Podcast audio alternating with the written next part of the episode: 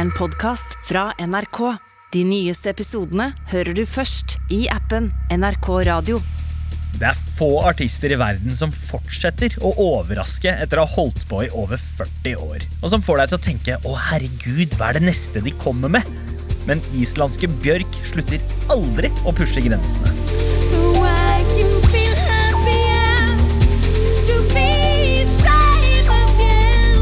Hun skyr alt det tradisjonelle som man forbinder med popmusikk, men har likevel trollbundet overraskende mange, og da snakker jeg millioner av fans, med sin ekstremt særegne og visjonære musikk helt siden 90-tallet. Med sin utforskende trang til å hele tiden gjøre noe nytt og blande natur og teknologi, så har Bjørk nærmest skapt sin egen sjanger. Og i dag kan vi vel kalle henne den kjølige nordiske popens store mor. Hvordan ble Bjørk, som er så ulik alle andre store artister, en pioner og nærmest en spåkvinne for popmusikken?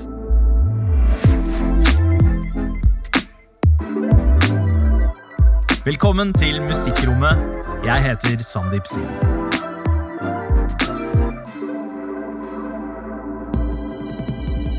Det som er med Bjørk, er at jeg klarer egentlig ikke å finne de ordene som gjør at jeg kan sammenligne henne med noen andre, fordi hun er så enestående artist. Hun er seg sjøl, hun har skapt sin egen sjanger, hun har påvirka så mange. Lenge før det ordet egentlig var i dagligtalen vår, så er vi nødt til å kalle hun en influenser. Ragnhild Laukholm Sandvik er journalist i NRK Kultur. Det er jo eksepsjonelt det hun har fått til i karrieren sin gjennom fire tiår. Hun har ligget i forkant eh, teknologisk ved å bruke ting i musikkproduksjon som ingen andre hadde gjort før. Hun har åpna ørene til en hel verden for hvor alternativ popmusikk egentlig kan være. Og hun har fått det rare, det avantgarde til å gli inn og bli liksom lyttbar popmusikk som man også kan danse til. Og I sommer så får jo du og mange andre her i Norge muligheten til å oppleve Bjørk live. For hun spiller jo blant annet i byen du vokste opp i, og oppdaga musikken hennes i også. Ja, tuller med meg, Sandeep. Den konserten skal skjes. Og det skjer altså på Festningen i Trondheim, i nabolaget der jeg vokste opp. Og der jeg vandra rundt med en Discman i veska og hørte på platene hennes på 90-tallet. Og det forholdet med Bjørk fulgte deg gjennom hele ungdomstida i Trondheim. Ja, du vet ikke hvordan det er med den musikken som treffer en i tenårene. Den sitter jo så fast i følelsene at det er helt enormt. Altså Når man er russ i Trondheim, så tar du på deg sånn hvit legefrakk og maler og dekorerer den. Og det jeg brukte en evighet av tid på, var jo å få malt hele fjeset til Bjørk bak på den frakken. Fra da albumcoveret til førsteplata hennes, Debut. For deg i Trondheim og verden for øvrig så slo hun jo gjennom først med debut i 1993. Men på Island så skjønte de at det var noe eksepsjonelt med denne artisten allerede da hun var barn.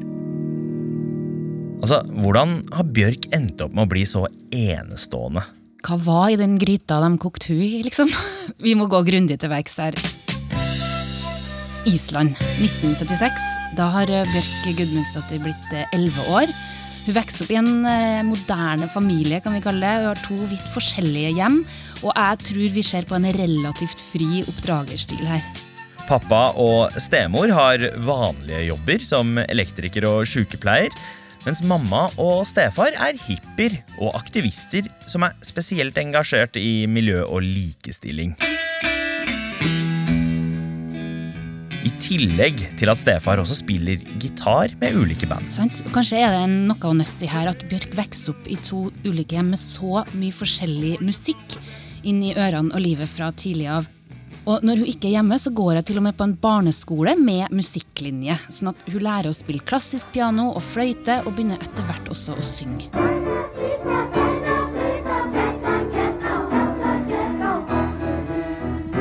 Men hun blir tidlig overbevist om at gitarmusikken stefaren hører på, altså Jimmy Hendrix og Eric Clapton, er forhistoriske greier.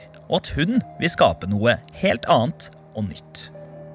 Og de andre ungene syns jo at Bjørk er litt rar, litt annerledes. Noen tror hun er fra Kina pga. det mørke håret og litt skrå øynene hennes. Men Bjørk syns ikke det gjør noe å bli sett som den litt rare. Hun bruker det heller til sin fordel, sånn at hun kan pusle med musikken inni sin egen boble. Og en dag så skal hun synge foran klassen sin. Hun velger seg faktisk en britisk låt som er en hit på denne tida. Og en lærer tar opp framføringen hennes, og han blir såpass imponert at han sender opptaket til den eneste radiostasjonen som finnes på Island. Ja, Ikke lenge etter så blir Lille Bjørk kringkasta over hele Island.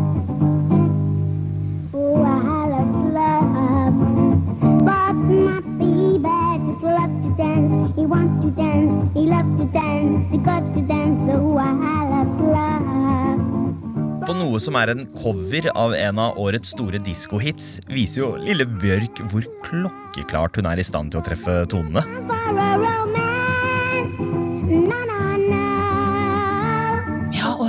Uttalen hennes. For Bjørk er jo en islandsk artist som senere har blitt kjent for å snakke et veldig karakteristisk eh, engelsk. Men her er det jo helt nydelig, perfekt engelskuttale. Og denne innspillinga når ikke bare de islandske hjem. For elleve år gammel signerer Bjørk sin aller første platekontrakt.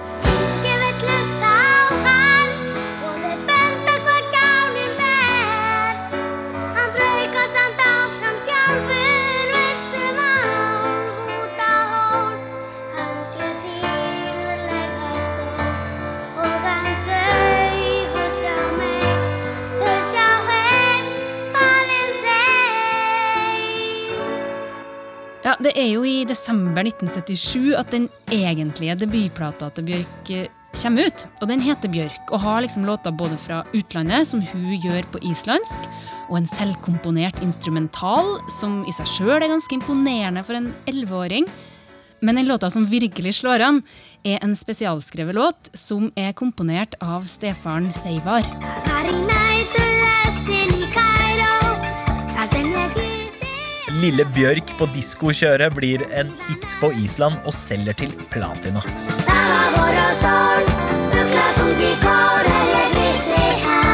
Og Bjørk får tilbud om å lage en oppfølger, men allerede her kan vi ane litt om hennes annerledeshet. So I did this one record when I was 11. And then they wanted me to do another one because it, it- it went really well. And I didn't want to because it meant I would have to work with grown ups. And grown ups, they were kind of like past their climax.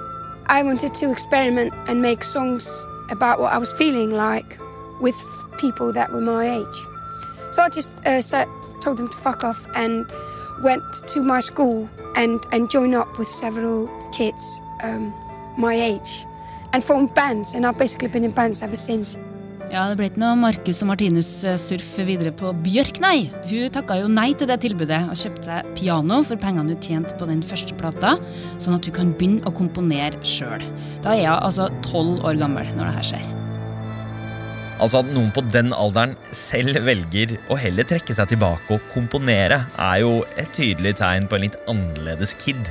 Og det kan man jo kanskje også si om hennes største inspirasjonskilde i komponeringen også. There are some 4 million different kinds of animals and plants in the world. 4 million different solutions to the problems of staying alive. Ja, Bjørk har sagt at et stort idol for hun på denne tida var en kar hun så på TV i naturprogrammer fra BBC, nemlig sir David Attenborough. Og han var som en slags rockestjerne i hennes barndomssinn, fordi han tørsta etter å utforske nye territorier. Og naturen skal jo bety mye for Bjørk, men utforskertrangen dreier seg først og fremst rundt musikk. Og etter hvert som hun kommer opp i tenåra, blir hun med i masse forskjellige band. Hun er både trommis i et rockeband og vokalist i et jazzpunk fusion-band.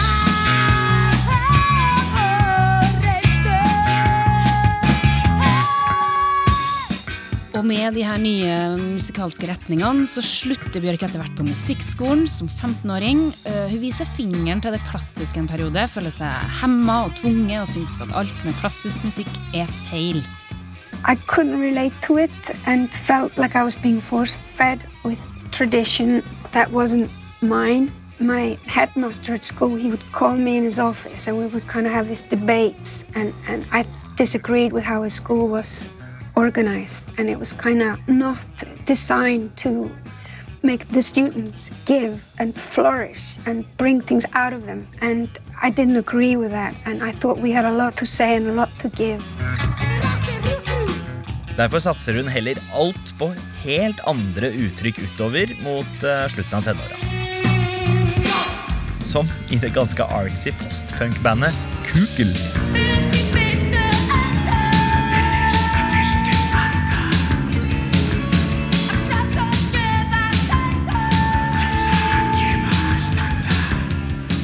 Ikke minst så danner Bjørk og en gjeng av vennene hennes en organisasjon, eller et sånn løst eh, kunstnerkollektiv.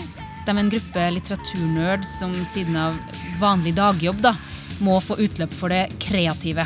Så de lager bøker og film og musikk, og de kaller seg Smekkleisa, eller Smakløs på norsk.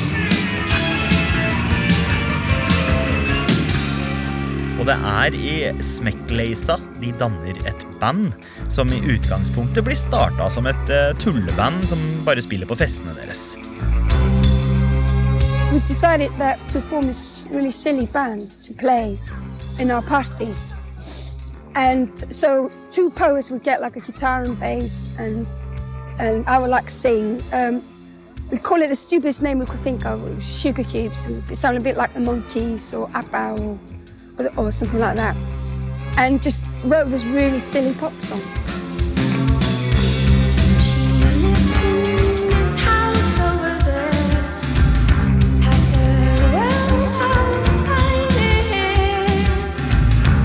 Men de i utgangspunktet teisete popsangene blir på et tidspunkt tatt på alvor. For noen britiske journalister får helt tilfeldig tak i en av sjukdommerne til The Sugar Cubes. Og helt uventa får de plutselig mye omtale i UK. De havner på forsider, og låta 'Birthday' blir single of the week. Ikke bare i musikkmagasinet Melody Maker, men også NME i august 1987.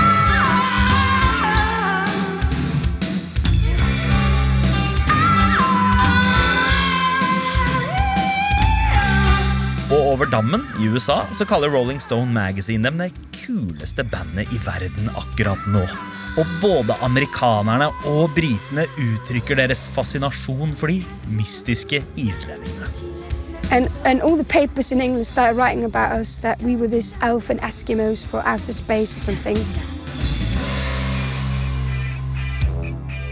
Så da har eh, på ganske kort tid Sugar Cubes gått fra å være et eh, ukjent eh, kompisband som starta litt for tull, til å nærmest få kultstatus og bidra til å gjøre Island hot. Eh, Og bandet får nå tilbud om platekontrakt av internasjonale selskap. and all these record companies would come over try to make deal with us. And um, we like, fuck you, you know. You're the people who made Elvis take all the drugs, aren't you? We don't want you. We got our own world here, we're happy, and we want to just continue this label. De fortsetter å gi ut eh, på et eh, indie-label, men takker ja til å dra på svære turneer.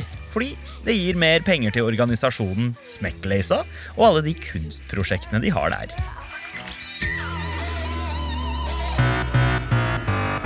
Men for Bjørk så blir jo de her turneene viktige på en helt annen måte òg.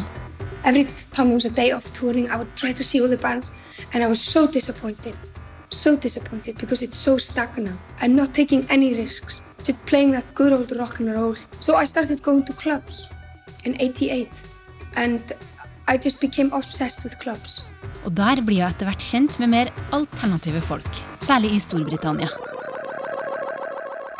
Og disse nye bekjentskapene skal bli viktige når Bjørk i 1990 får lyst til å prøve helt andre ting, både hjemme og i UK. Hun spiller annet inn ei jazzplate hjemme på Island. Með lífsglöð Hefur undir stokka kata, kann svo vel að rocka rock Samtidig som hun driver og jazzer hjemme, begynner hun å leke med sine nye venner i Storbritannia. Og hun henger i byen som på slutten av 80-tallet og starten av 90-tallet ble kalt Madchester pga. all rave-musikken.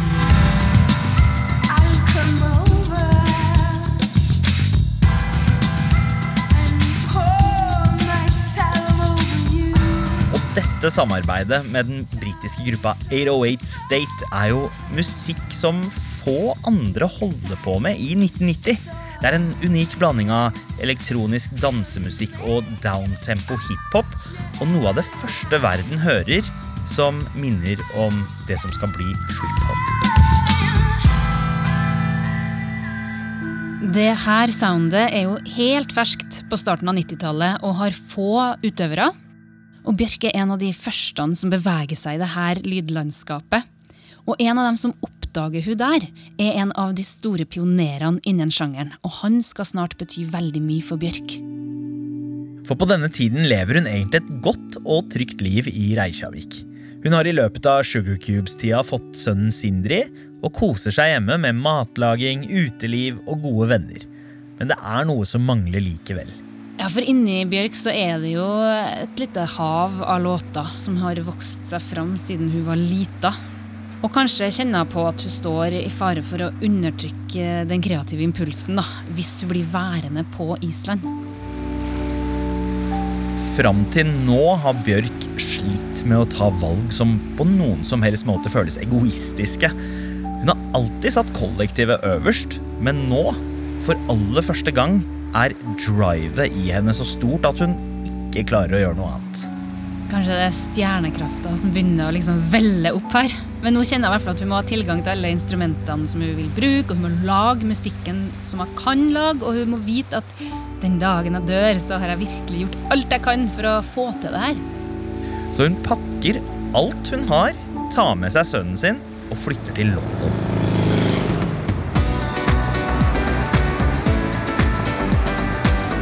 Og på starten av 90-tallet, da, 91 og 92, så dykker Bjørk lenger ned i Londons klubbverden. For hun ser at dance og house er den eneste musikken der det skjer noe kreativt. Hun dater ulike DJs, og hun henger med fremoverlente produsenter, og hun har ett mål. Å få popmusikken til å slutte å se bakover, men heller få den inn i framtida. En av disse DJ-kjærestene hennes introduserer henne for en produsent som nettopp har jobba med flere populære, men vidt forskjellige artister som Sinead O'Connor, Nene Cherry og Massive Attack. You sure you wanna be with me? I've nothing to give. But lines say this loving's best. Og den produsenten er Nelly Hooper. Og i starten så syns Bjørk at han har litt for mye sans for sånn ryddige, pene prosjekter. Men de to finner tonen når de snakker om hvordan de jobber med musikk. For der deler de mye da, av metode. Og det blir starten på et svært fruktbart samarbeid. And Roma.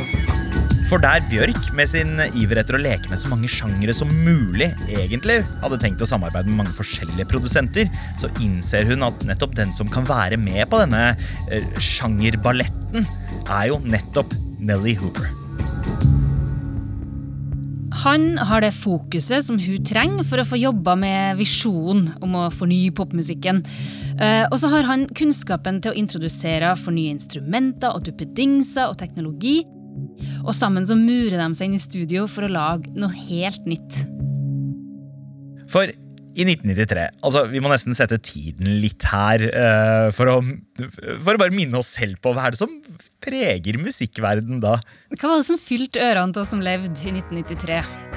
Det var jo for det første grunge-rocken som hadde blitt svært, med Nirvana i spissen. Og så husker jeg jo at det dukka opp eh, veldig mye dansevennlige band. Altså, Eurodansen tok jo for alvor av her med band som Two Unlimited. Og ikke minst så ville jo alle, på min skole i hvert fall, kline, gråte og danse sakte til Whitney Houston sin ikoniske coverlåt.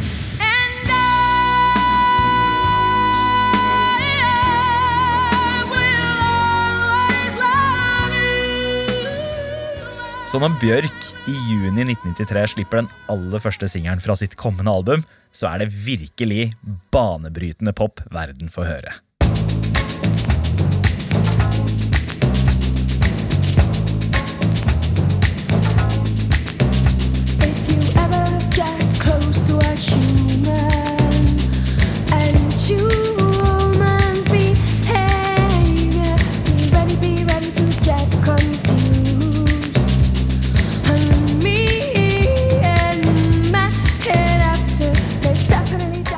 Er det vi hører lyden av her, da? Det er jo verken eh, Nirvana eller eh, I Will Always Love You, i hvert fall. Det er noe så utrolig våkent og nysgjerrig og utforskende med den eh, første sangen som Bjørk slipper som seg sjøl. At jeg tror det liksom vekker ørene til folk, da. Og Human Behavior er jo skrevet fra et slags sånn vitenskapsperspektiv. Eller man studerer menneskene litt utenifra, som også er en helt annen måte å skrive poptekster på. som i min bok, i hvert fall. Eh, og det her er jo et lite nikk igjen til barndomshelten David Attenborough, som alltid liksom studerer dyrene og ser, ser hvordan de oppfører seg nå. Det har hun latt seg inspirere av til sin aller første pophit.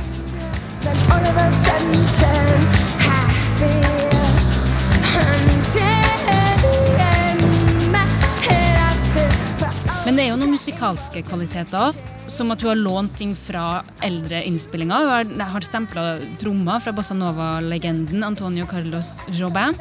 Og det er jo en litt sånn ny måte å bruke, bruke samples på i popmusikk på det her tidspunktet. Altså 1993. Og ikke minst musikkvideoen som låta slippes med. En slags sånn barne-TV-aktig stop motion som bare bringer deg inn i den der fantasiverden som Bjørk klarer å skape. Og hele pakka der Altså, jeg var syv år gammel da jeg så det første gang. Ble helt hypnotisert, ass. Jeg tror fantasiverden er et godt uh, stikkord. da, og mm, For dem som ble fascinert her, så skulle det jo bare bli mer og mer av det. At hennes liksom, visjoner og fantasier balla på seg og utvida seg.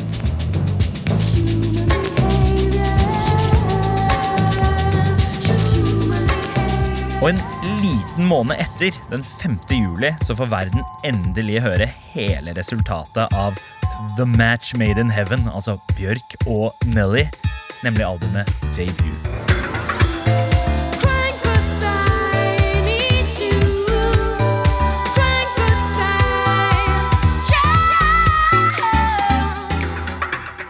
Ja, og det er jo mye rart på debut, sant?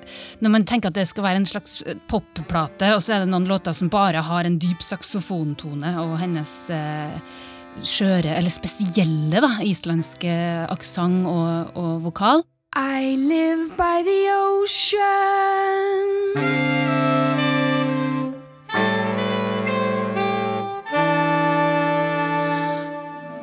Eller at du har en hel poplåt med bare harpe. Den, altså, den hørte jeg så sykt mye på, den som heter Like Someone In Love.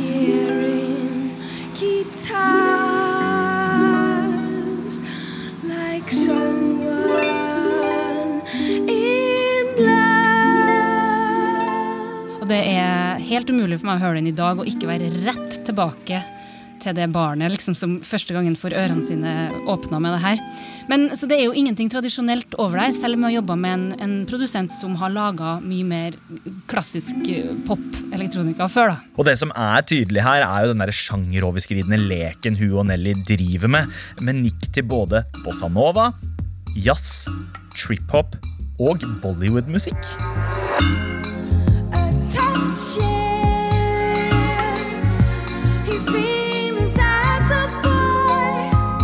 Og det er litt eh, tekstlig spennende at du også beskriver Venus as a boy, med tanke på den eh, mengden skeive perspektiver som har kommet inn i popmusikken de siste årene. Altså Der var jo hun en pioner.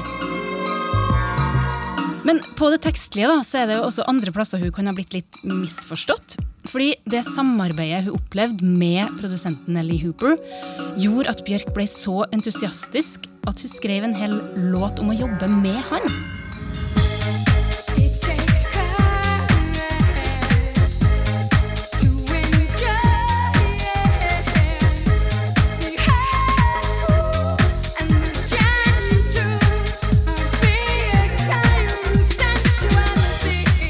Og den låta heter Big Time Sensuality, og da tenker jo mange at det her handler om klassisk sex.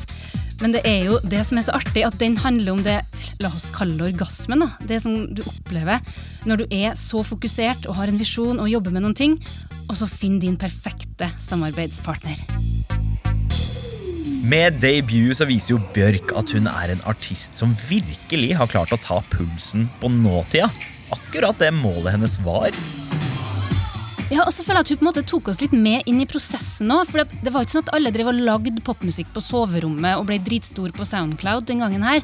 Men hun viste fram en slags sånn derre produksjonsmetode. Sånn som den ene sangen som det står sånn tatt opp live på melkebarens toalett, og så hører du at det slamrer i døra, så er det en sånn her ja, håndverksmessig lofi-følelse som var veldig interessant. da.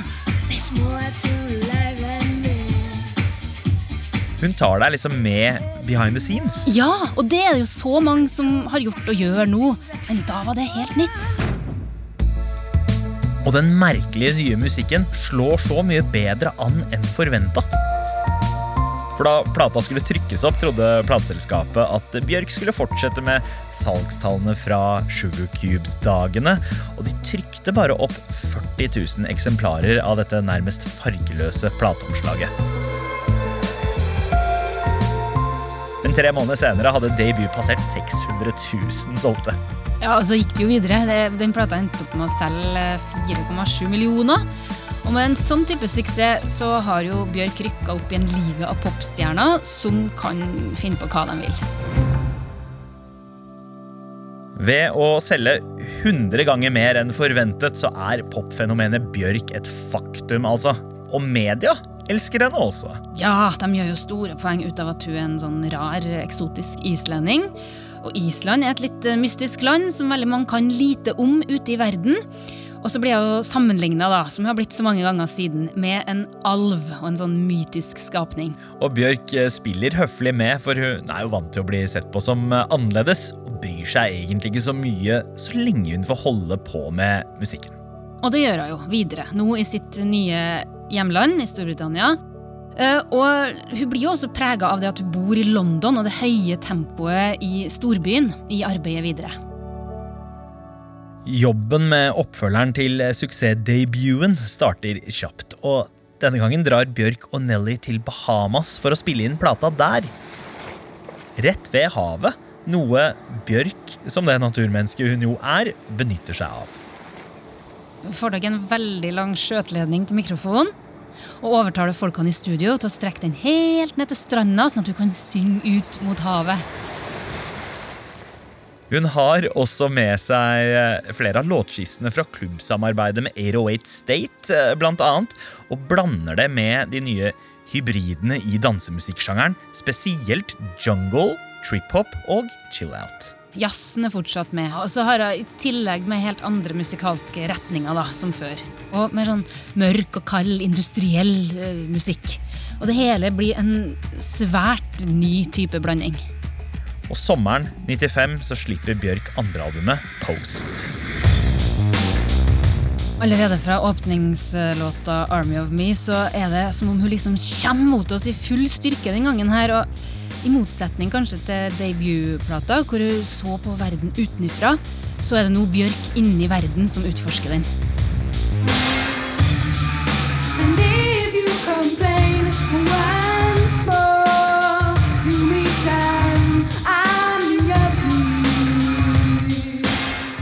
Samtidig som at plata er mørkere, så er den også mer fargerik.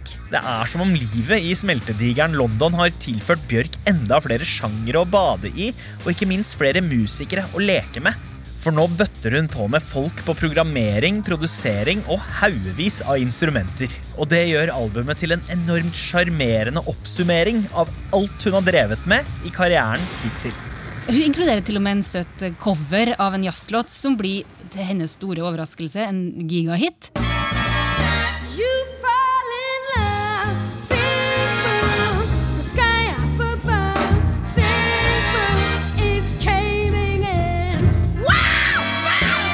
Det at musikken er mer sånn fargerik, det gjenspeiler seg også i platecoveret, som i forskjell til da debut nå er en eksplosjon av farger. Det er særlig oransje, og så er det rosa og blått og gult.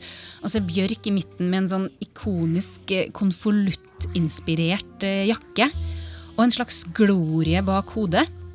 Og på dette tidspunktet begynner også videokunsten til Bjørk å bli et kapittel for seg sjøl.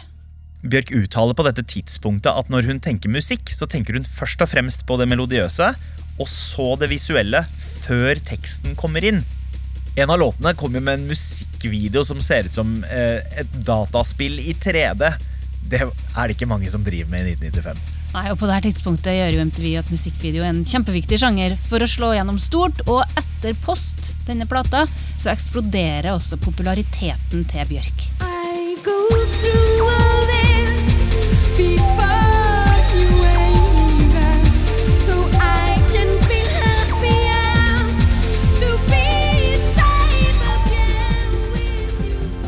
for den litt annerledes dama som alltid har foretrukket å være i sin egen boble, så blir det etter hvert litt for mange som trenger seg inn i hennes space.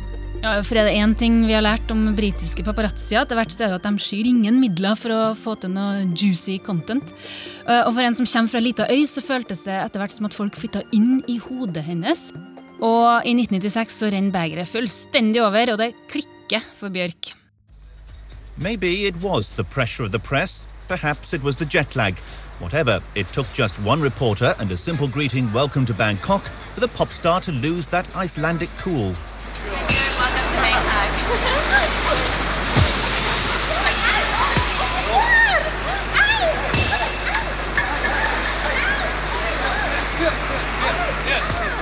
The British born journalist was more stunned than injured as Björk was led away, not, however, having calmed down. Later, her record company said the reporter had been pestering her for four days. Tilsynelatende er det bare en engelskspråklig reporter som sier hei. Men ifølge Bjørk så hadde denne reporteren plaga dem over flere dager og til og med prøvd å intervjue sønnen hennes uten tillatelse. Og da svartna det for henne. Men om det ikke er nok, så skal det bli ganske dramatisk på en helt annen måte også. Senere samme år så er det en eh, sykelig opphengt fan, en sånn stalker, som er så sjalu på idolet sitt at han rett og slett sender ei brevbombe adressert til Bjørk. He also showed himself making a sulfuric acid bomb, which he said he was mailing to the object of his obsession, Bjork, in London. Police here notified Scotland Yard, which was able to find and detonate the acid bomb before it was delivered to her home in London.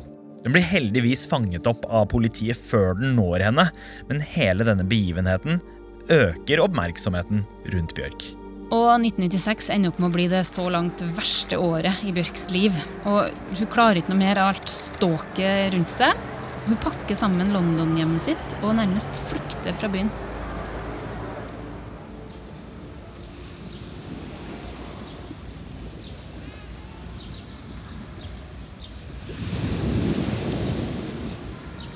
Det er i den lille byen El Madronel i Malaga i Spania at Bjørk har fått låne studio av trommisen sin. Og De første ukene bort fra London bruker hun bare til å slappe av, sove, stå på vannski, bade og kjenne på roen da, bort fra det her paparazzi-trøkket og storbyjaget. Og så begynner hun å tenke på musikken hun skal lage nå. For planen er at dette som kommer, skal skille seg veldig fra de to første soloalbumene. They were very much like greatest hits of my musical passions for all my life. And I knew it would take two albums to do that. That's why I called them debut and post before and after of getting rid of the back catalog almost, you know, uh, gracefully, you know, because you can only move on if you do that, you know. So this is like a fresh start for me. And that's why I want to call this album homogenic or genus or genius or whatever. I'm still working on that because it's one flavor and, and it's going to be, instead of like all these different instruments, it's just going to be beats, strings and voice.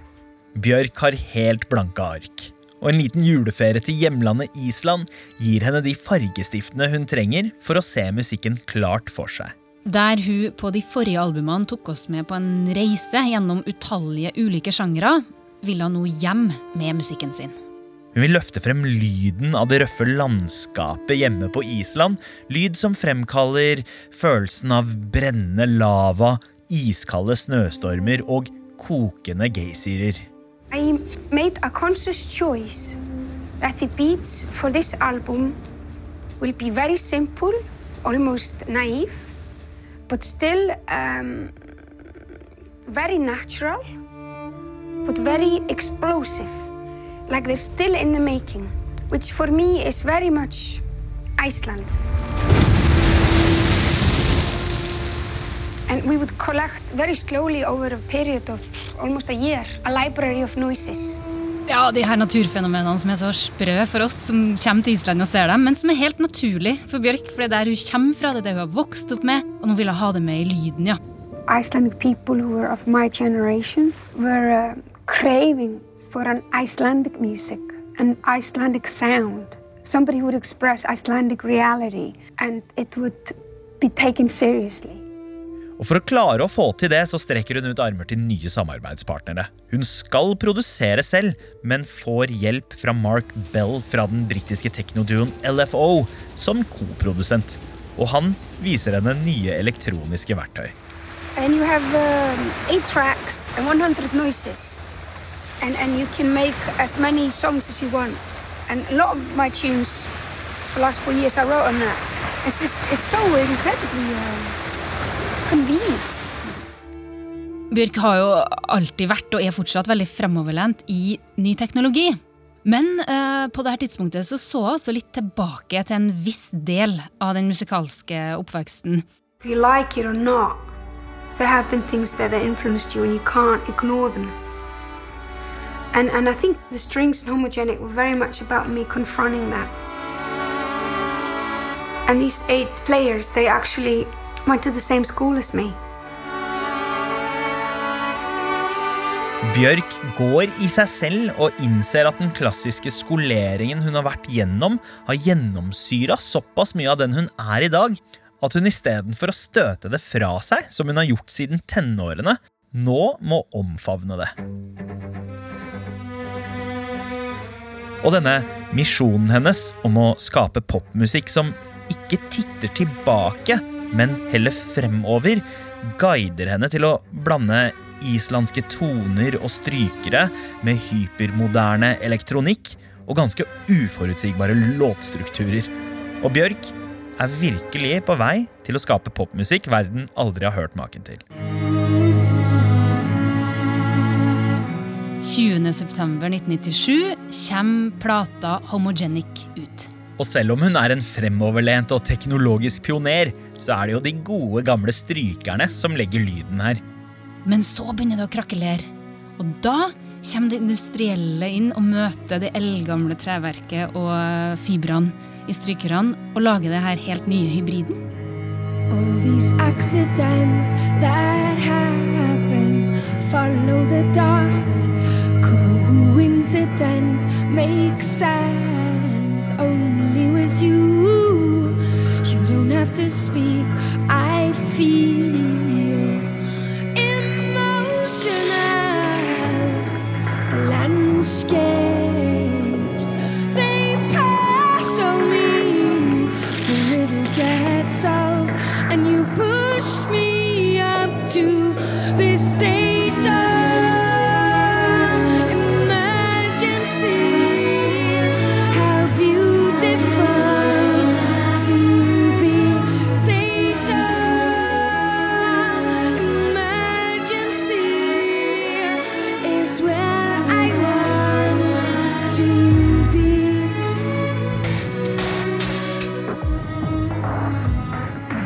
noe sånn der farlig og ulmende som lurer seg under det idylliske her. Og i musikkvideoen så understrekes det når de tektoniske platene går fra hverandre og lavaen kommer opp til disse vulkaniske taktene. Dette her er jo Bjørks forhold til natur og maskin i skjønn forening.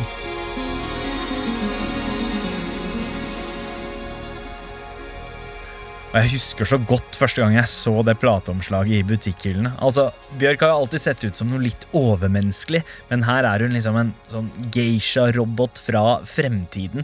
Og denne robotestetikken føres jo også videre i All Is Full of Love, denne nydelige låta, og musikkvideoen som handler om en romanse mellom to roboter som nettopp har blitt skapt.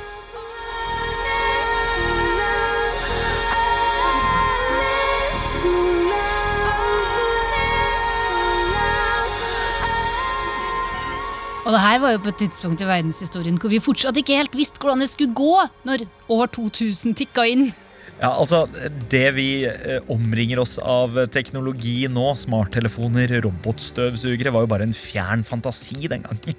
Så i motsetning til andre store album som kommer ut på denne tida med gitarbasert musikk, så var jo Homogenic eh, veldig tekno-framoverlent og lyden av framtida. Og det er såpass utfordrende musikk at noen kanskje er litt skeptiske. Men anmelderne og musikkmenerne er helt over seg.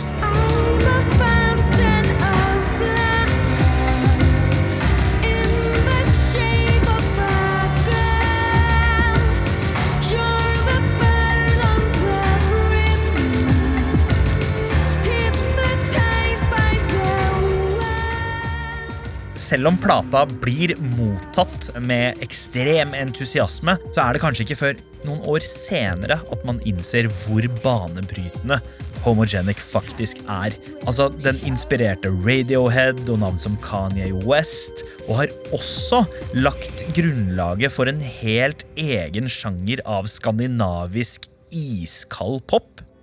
Og så tror jeg det har vært ganske vanskelig for kanskje særlig kvinnelige artister med den litt, i den litt alternative delen av musikken å ikke bli sammenligna med Bjørk, hvis man eh, kommer fra, fra de nordiske landene. Ei som har covra, faktisk, eh, Ane Brun, har jo sagt det at eh, de, de sammenligningene må man på en måte bare komme seg videre fra, fordi det Bjørk har gjort for både kvinnelige og mannlige artister, er å skape et sånt rom til å forfølge sin egen visjon og definere sin egen sjanger, som alle har tjent på i ettertid. While you are away, my heart comes undone. Slowly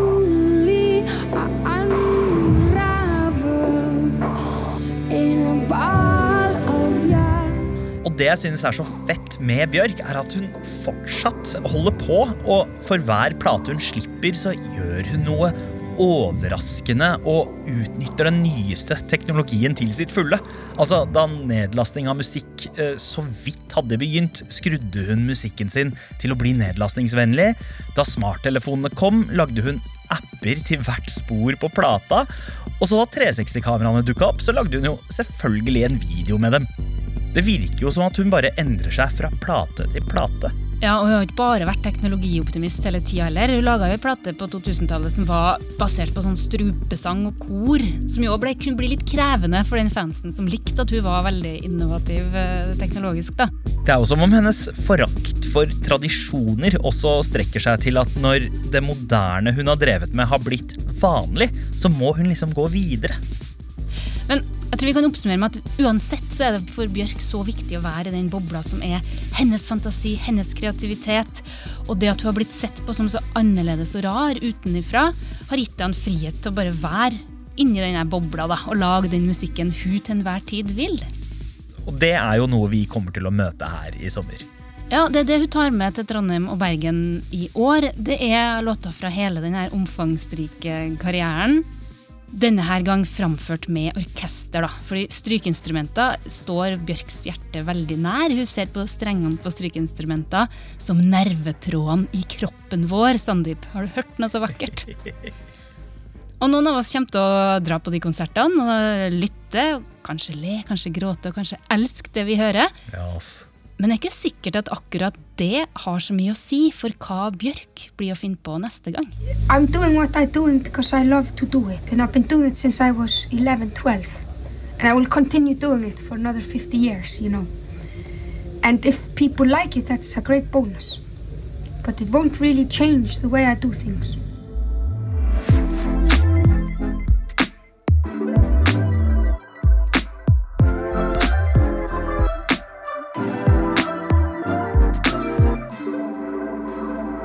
Du har hørt en episode av Musikkrommet. Hvis du likte det du hørte, anbefal oss gjerne til en venn.